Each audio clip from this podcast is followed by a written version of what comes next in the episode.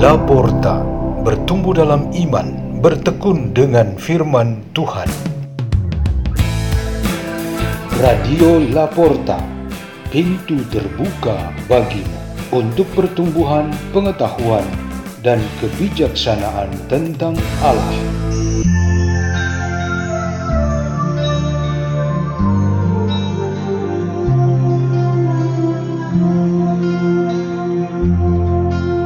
Bacaan dan Renungan Sabda Tuhan Hari Selasa, Pekan ke-15 Masa Biasa, 18 Juli 2023, dibawakan oleh Ibu Dorotea Esa Selani Diar, Guru SMP Santa Maria Surabaya, dan Suster Yuliana Margareta OSU dari Komunitas Suster Ursulin Santa Maria, Keuskupan Surabaya, Indonesia.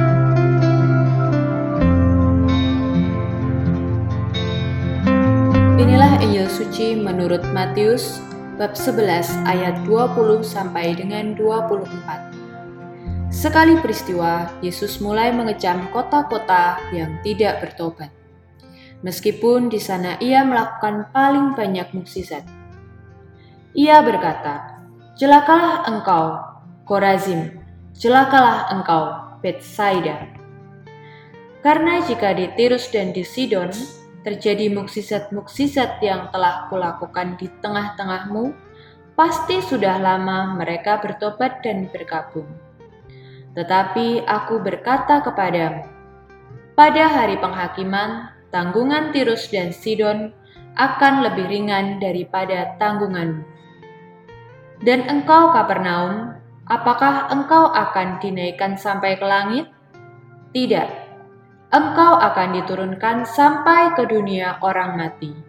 Karena jika di Sodom terjadi mukjizat-mukjizat yang telah terjadi di tengah-tengahmu, kota itu tentu masih berdiri sampai hari ini. Maka aku berkata kepadamu, pada hari penghakiman, tanggungan negeri Sodom akan lebih ringan daripada tanggungan. Demikianlah sabda Tuhan.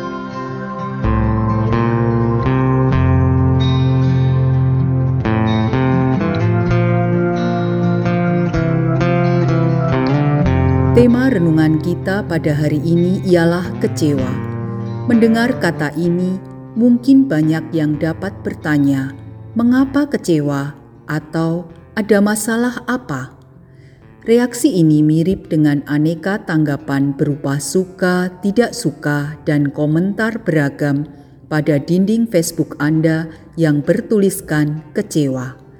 Semakin banyak tanggapan pada dindingmu itu, semakin seru dan menarik.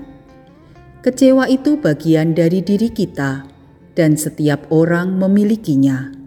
Keadaan kecewa setiap orang berbeda-beda karena bergantung pada banyak faktor.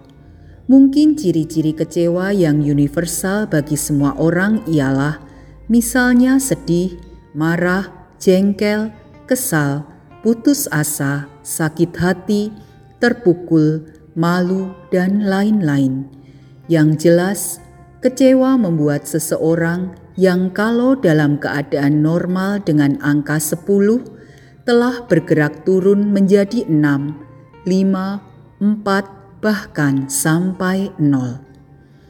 Karena ada banyak faktor yang menyebabkan adanya rasa kecewa dan tak bisa dimuat dalam renungan yang singkat ini, dalam renungan ini kita menyoroti satu faktor saja.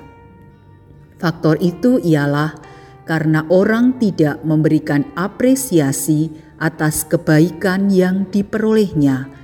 Ini menyebabkan orang yang membantunya kecewa.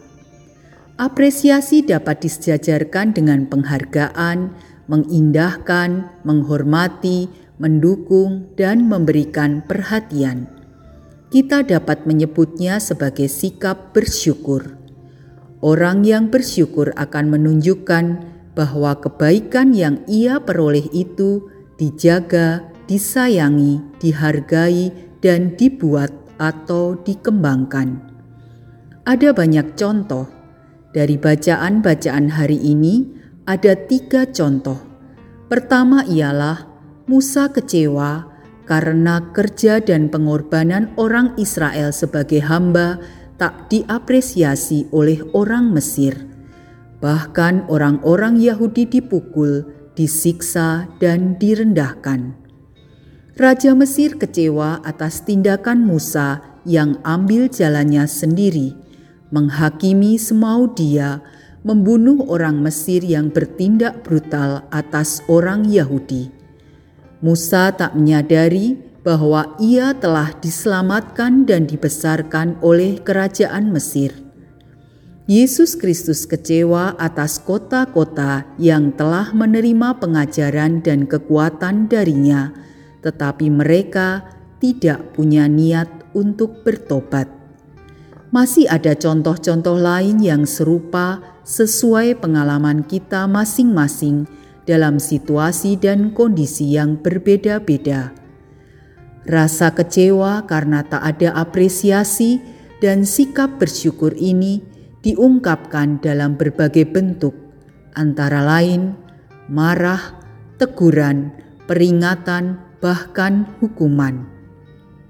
Tak ada salah tentang itu, sejauh ini sebagai tindakan untuk menyadarkan, mengingatkan, dan membawa orang kembali kepada sikap bersyukur dan memberikan apresiasi. Ini akan menjadi bermasalah, bahkan sebagai kesalahan, jika kecewa ini mendorong orang untuk balas dendam, rencana jahat, melancarkan konflik, dan perang.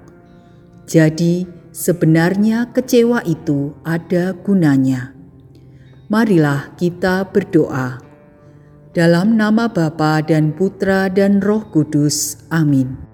Ya Bapa Maha Kuasa, kami bersyukur dan berterima kasih kepadamu atas karunia kehidupan di hari yang baru ini, di mana kami memiliki segala kesempatan untuk memberikan kesaksian dalam iman, kasih, dan pengharapan, sehingga kemuliaanmu semakin dialami oleh banyak orang.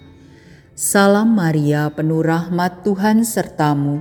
Terpujilah engkau di antara wanita, dan terpujilah buah tubuhmu, Yesus. Santa Maria, Bunda Allah, doakanlah kami yang berdosa ini, sekarang dan waktu kami mati. Amin. Dalam nama Bapa dan Putra dan Roh Kudus. Amin. Radio Laporta, pintu terbuka bagi